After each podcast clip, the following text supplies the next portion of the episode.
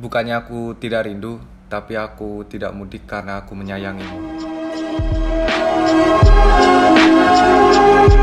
Hai hai guys, kembali lagi di Javani Pod. Di sini saya Sandy dan sendirian saja tanpa kehadiran dua kawan saya yakni Ian dan Damara.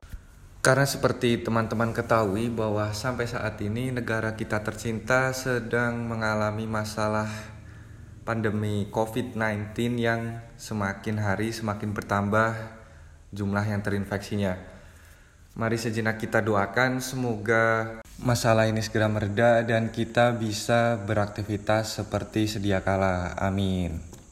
Nah, pada kesempatan kali ini saya akan membahas tentang anjuran untuk tidak mudik. Ya, beberapa hari yang lalu Presiden Joko Widodo telah memposting yang isi postingannya kurang lebih sebagai berikut, yaitu larangan mudik bagi seluruh ASN, anggota TNI, Polri, dan juga seluruh pegawai BUMN. Sedangkan untuk masyarakat masyarakat umum masih akan dikaji ulang, namun juga dianjurkan untuk tidak mudik dulu.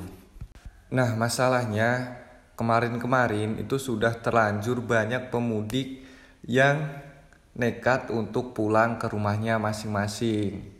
Terutama ada yang dari ibu kota pulang ke Jawa Tengah, Jawa Barat, dan Jawa Timur. Itu sangat banyak sekali dan khususnya di kabupaten asal saya yaitu Wonogiri.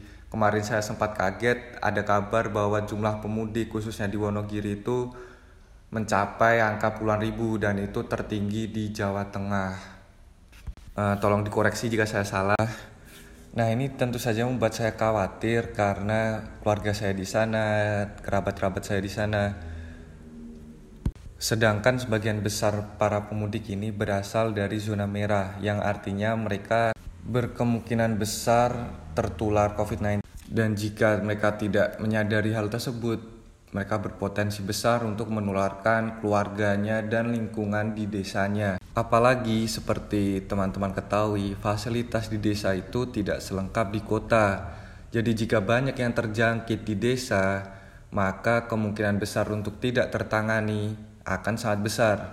Beda halnya jika di kota yang fasilitasnya jauh lebih lengkap dan tenaga medisnya tentu jauh lebih banyak. Jadi kemungkinan untuk tidak tertangani itu kecil. Namun seperti kata pepatah, nasi sudah menjadi bubur, pemudik sudah terlanjur pulang, tidak mungkin kan pemerintah mengembalikan ke tempat asal mereka. Jadi saya cukup mengapresiasi langkah-langkah pemerintah terutama melakukan cek suhu tubuh dan juga penyemprotan disinfektan ke barang-barang yang dibawa pemudik di tempat keberangkatan maupun kedatangan. Kita tahu bahwa itu tentu saja tidak efektif atau kurang efektif, namun namun itu tentu hal yang sudah positif sebagai langkah awal pencegahan penyebaran COVID-19 ini. Apalagi e, pemerintah daerah dari gubernur, ke bupati dan camat camat turun ke kepala desa dan RT RW itu sudah berkoordinasi untuk mendata setiap pemudik yang datang dan kemudian mengarahkan mereka untuk melakukan cek kesehatan di puskesmas atau fasilitas kesehatan di desa masing-masing. Hal ini dilakukan sebagai pemantauan kondisi kesehatan para pemudik dan resiko mereka untuk menularkan ke masyarakat sekitarnya. Tentu saja hal ini harus dibarengi dengan rasa tanggung jawab dari para pemudik tersebut. Jangan jadi bebal. Jika sudah pulang, langsung mengisolasi diri, jangan malah bersosialisasi, kumpul-kumpul dengan kerabat, karena tolong disadari Anda itu sangat berisiko membawa virus tersebut. Jadi diam saja di kamar memisahkan diri dari keluarga. Kan sudah enak, sudah ada makanan disediakan oleh anggota keluarga yang lain tinggal makan. Jadi diam dulu aja di kamar selama 14 hari.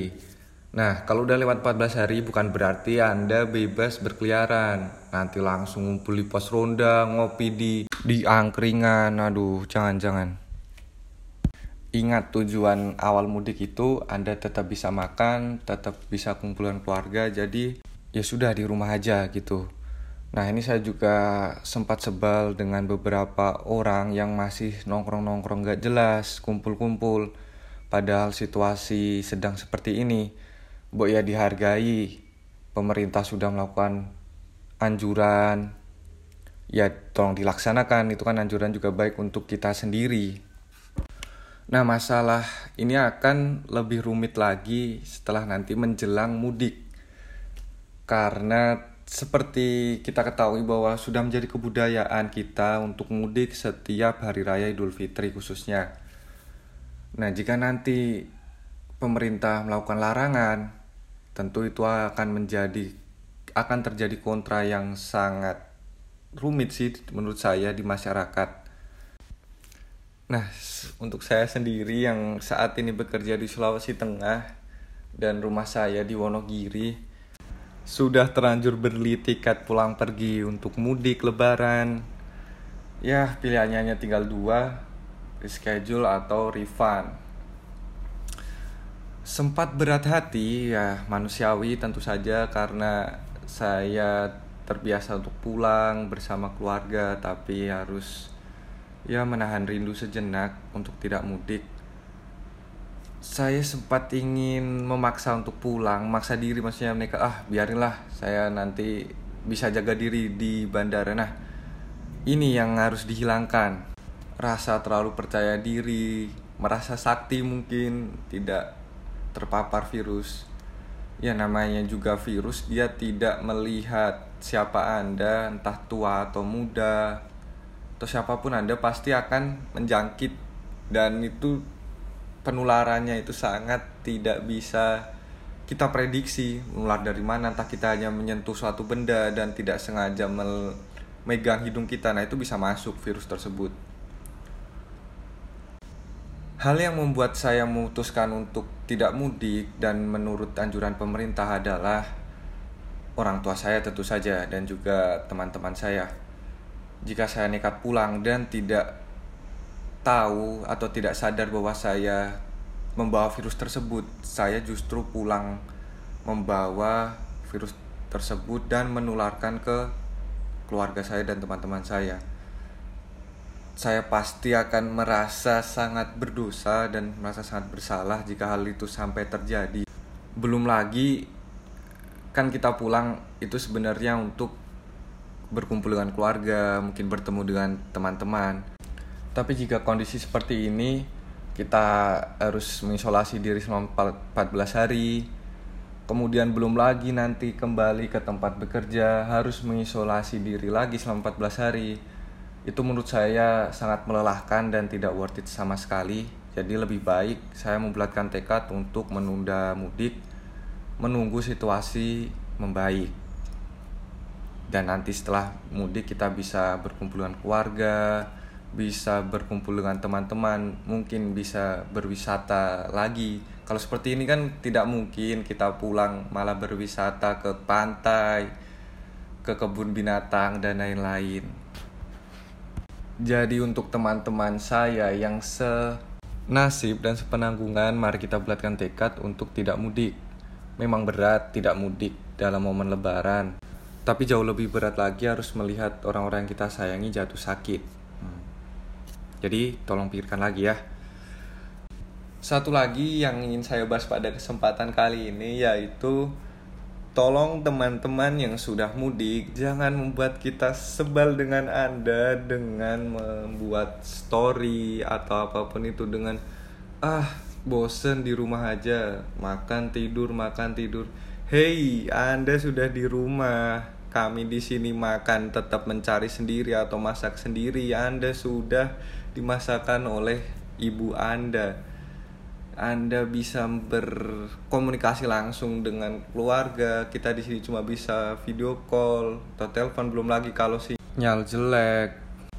Tapi ya nggak apa-apa deh itu pilihan Anda Oke, baik segitu aja. Terima kasih untuk teman-teman yang sudah meluangkan waktunya untuk mendengarkan ocehan saya yang mungkin banyak salahnya. Jadi untuk teman-teman yang mau menyanggah atau mau berdiskusi silahkan langsung DM aja ah, karena kita belum punya Java Nepot ini belum punya akun officialnya jadi bisa DM ke kami masing-masing antara Yan atau saya atau Damara karena IG Yan dan Damar saya kurang hafal jadi boleh teman-teman yang mau berdiskusi DM ke @sandidam.